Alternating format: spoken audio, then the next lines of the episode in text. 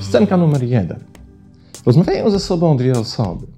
Jedna chwali się drugiej. W zeszłym miesiącu dostałam premię, ale wiesz, tak naprawdę to nie wiem za co. Na co odpowiada druga. Miałam tak dwa miesiące temu. Ciekawe, kiedy oni się zorientują, że na te nagrody nie zasługujemy. Scenka numer dwa. Jasiu w domu chwali się otrzymaną w szkole szóstką. Ojciec pochyla się nad Jasiowym zeszytem, zniża głos, wbija w Jasia swój ojcowski, surowy wzrok i pyta, czy aby na pewno słusznie nauczycielka cię tak oceniła. Nie, odpowiada Jasiu, po prostu akurat zapytała mnie o to, co umiałem. Scenka trzecia. Będąc na przyjęciu, przypadkowo podsłuchujesz dwie rozmawiające właśnie o tobie osoby. Z ich rozmowy wynika, że wysoko oceniają Twoją wiedzę czy też umiejętności w jakiejś konkretnej dziedzinie. Kiedy to słyszysz, lekko się czerwienisz i myślisz: O matko, gdyby one wiedziały, jak ja naprawdę o tym niewiele wiem. Trzy powyższe przykłady dotyczą niezwykle barwnego, ale jednocześnie dramatycznie dla nas destrukcyjnego syndromu oszusta. To przeświadczenie o tym, że to, za co ktoś nas ceni, czy też sukces, który nam się przydarzył, nie jest efektem naszej pracy, talentu czy umiejętności, ale raczej cudzej pomyłki, czy też zbiegu okoliczności. Czujemy wtedy napięcie wynikające z różnicy pomiędzy tym, w jaki sposób sami oceniamy siebie, a tym, w jaki sposób świat nas nagrodził, czy to poprzez opinie innych, czy to poprzez pozytywną rzecz, która nam się wydarzyła, jak właśnie dowolnej wielkości sukces, docenienie, dowartościowanie, czy wręcz zapłata za to, co robimy i kim jesteśmy. To napięcie na tyle dyskomfortowe, że każe nam szukać wyjaśnienia przyczyn danego pozytywnego wyróżnienia zawsze w zjawiskach zewnętrznych, by w ten sposób znaleźć wyjaśnienie pozytywnych informacji na nasz temat. Czegoś, czego nie chcemy przyznać sami o sobie. Czy to przypadłość rzadka? Jest bardziej mylnego, bo według badań przydarzyła się przynajmniej raz w życiu co najmniej siedmiu osobom na dziesięć. Czy dotyczy wyłącznie zahukanych ludzi o niskim poczuciu własnej wartości?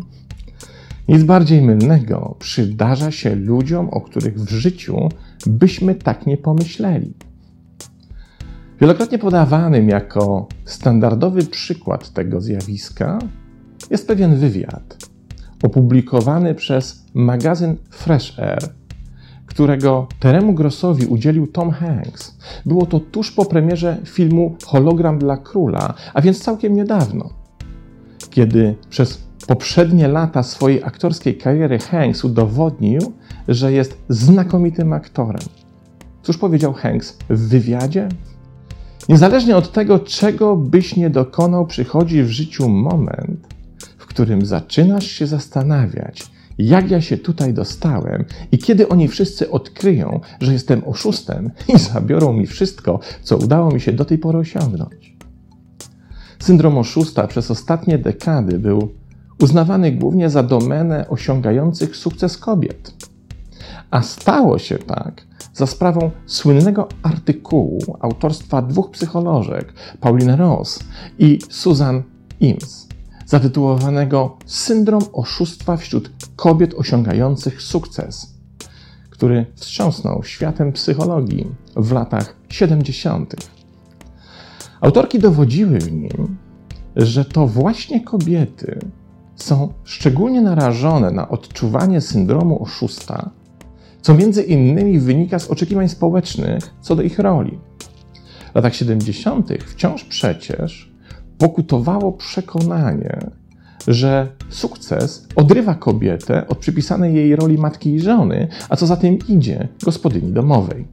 Zatem jej sukces był źle widziany, co sprawiało, że wiele kobiet uznawało go za po prostu nieuzasadniony. Do tego to uczucie doskonale wpisywało się w powszechną i podsycaną społecznie kobiecą niską samoocenę. Później, na przestrzeni lat, ten pogląd został przewartościowany. Uznano, że samo słowo syndrom jest nieadekwatne, bo zjawisko to nie wyczerpuje kryteriów zespołu psychologicznego, a więc jest bardziej doświadczeniem, z którym borykają się ludzie, a nie syndromem. Z drugiej strony, zakwestionowane zostało również przypisywanie tego zjawiska w głównej mierze kobietom osiągającym sukces, piastującym ważne stanowiska, czy też robiącym po prostu zawodową karierę. W 1993 roku ta sama Paulina Ross, profesor psychologii, przyznała, że jej teoria lokująca syndrom oszusta jako problem kobiet jest niepoprawna, bo tego typu zjawiska doświadczają w równym stopniu również mężczyźni. Całość zaś nie jest zarezerwowana wyłącznie dla osób robiących karierę w biznesie, ale w równym stopniu przytrafia się wszystkim. Od aptekarzy przez księgowych po nauczycieli. Mamy więc do czynienia z raczej powszechnym doświadczeniem, nieoszczędzającym praktycznie nikogo. Co zatem zrobić w sytuacji, w której pojawia się w nas doświadczenie, w ramach którego nie czujemy, byśmy zasługiwali na to, co otrzymujemy, co się wydarza, czy też co zostało nam powierzone? Po pierwsze, najwyższy czas nauczyć się oddzielać odczucia od faktów. Emocje nie są faktami, to jedynie nasza reakcja na rzeczywistość, a nie rzeczywistość. To, że czujemy, że coś jest takie, jakie czujemy, wcale nie oznacza, że takie rzeczywiście jest. Emocje rzadko kiedy mają swe odzwierciedlenie w faktach. To jedynie nasza tych faktów interpretacja. Po drugie, unikajmy porównań z innymi. Kiedy to robimy, to tak naprawdę postępujemy krok w przedsionek piekła. Kiedy staramy się coś osiągnąć i patrzymy na tych, którzy nas wyprzedzają, zawsze widzimy ich podróż w stronniczy sposób. Porównanie z innymi nigdy nie przyniosło nic dobrego, ponieważ nie mamy dostępu do całej wiedzy na temat innych. To, że oceniamy kogoś jako superinteligentnego, utalentowanego i odnoszącego należne mu sukcesy, i kogoś, kto go uważamy za szczęściarza, jeszcze nie oznacza, że tak jest w rzeczywistości. Nie wiemy bowiem, ile musiał włożyć wysiłku, pracy i samozaparcia w to, co teraz sobą reprezentuje, z iloma rzeczami musiał walczyć. Podobnie jak nie wiemy, z iloma porażkami i przeciwnościami losu po drodze musiał sobie poradzić. Nie wszystko wszystkim przychodzi łatwo i bezboleśnie. Kiedy zaś porównujemy się do kogoś innego, to tak naprawdę nie równamy się do niego, ale jedynie do naszych własnych wyobrażeń tej osoby. I po trzecie, nie zapominajmy, że każdy, kto zaczyna coś nowego, jakieś nowe wyzwanie, nowe doświadczenie, musiał przejść okres, w którym niespecjalnie wie, z czym się tak naprawdę mierzy. Każdy musi przejść okres kompletnej dezorientacji i nieznajomości rzeczy. Nikt nie staje się od razu specjalistą w tym, co robi. I tutaj różni ludzie wypracowują różne strategie na początek. Jedni robią dobrą minę do swojej gry, inni udają, że od dawna się na tym znają, a jeszcze inni jadą na bezczelnego, licząc, że ich urok i siła przebicia jakoś ukryje ich początkową ignorancję. Jednak na początku drogi wszyscy jesteśmy ignorantami. Gdybym 20 lat temu wiedział to, co wiem teraz, to nie popełniłbym tych wszystkich błędów, które popełniłem i których wspomnienie wywołuje czasem większe zażenowanie niż oglądanie niektórych motywacyjnych występów.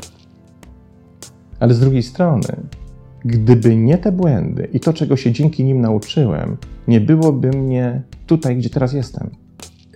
Okres ignorancji to frycowe, to opłata za późniejszy sukces. Niezależnie od tego, w jak wielkich czy też małych skalach tenże sukces będziemy mierzyć. Po czwarte, wątpliwość, czy na coś zasługujesz, jest naprawdę o wiele lepsza niż jej permanentny brak. Ludzie, którzy nigdy nie wątpią w swoje możliwości, prędzej czy później wywracają się i to z olbrzymim hukiem. Problem nie leży w tym, że na określonym etapie swojej drogi nie znasz wszystkich odpowiedzi, ale wyłącznie w tym, czy chcesz je poznać. Problem nie leży w tym, że czegoś nie wiesz, ale jedynie w tym, czy starasz się tę niewiedzę uzupełnić. Bo wątpliwości, również, a może przede wszystkim te, które zgłaszamy w stosunku do samych siebie, mogą być doskonałym motorem napędowym naszego własnego rozwoju. Ten sam Tom Hanks powiedział, że to, że w ogóle chodzimy, jest aktem wysokiej wiary, bo przecież nasze własne wątpliwości powinny być wystarczającą przeszkodą w podejmowaniu jakichkolwiek czynności. A jednak chodzimy, bo te same wątpliwości paradoksalnie stają się dla nas motywacją do podejmowania działań.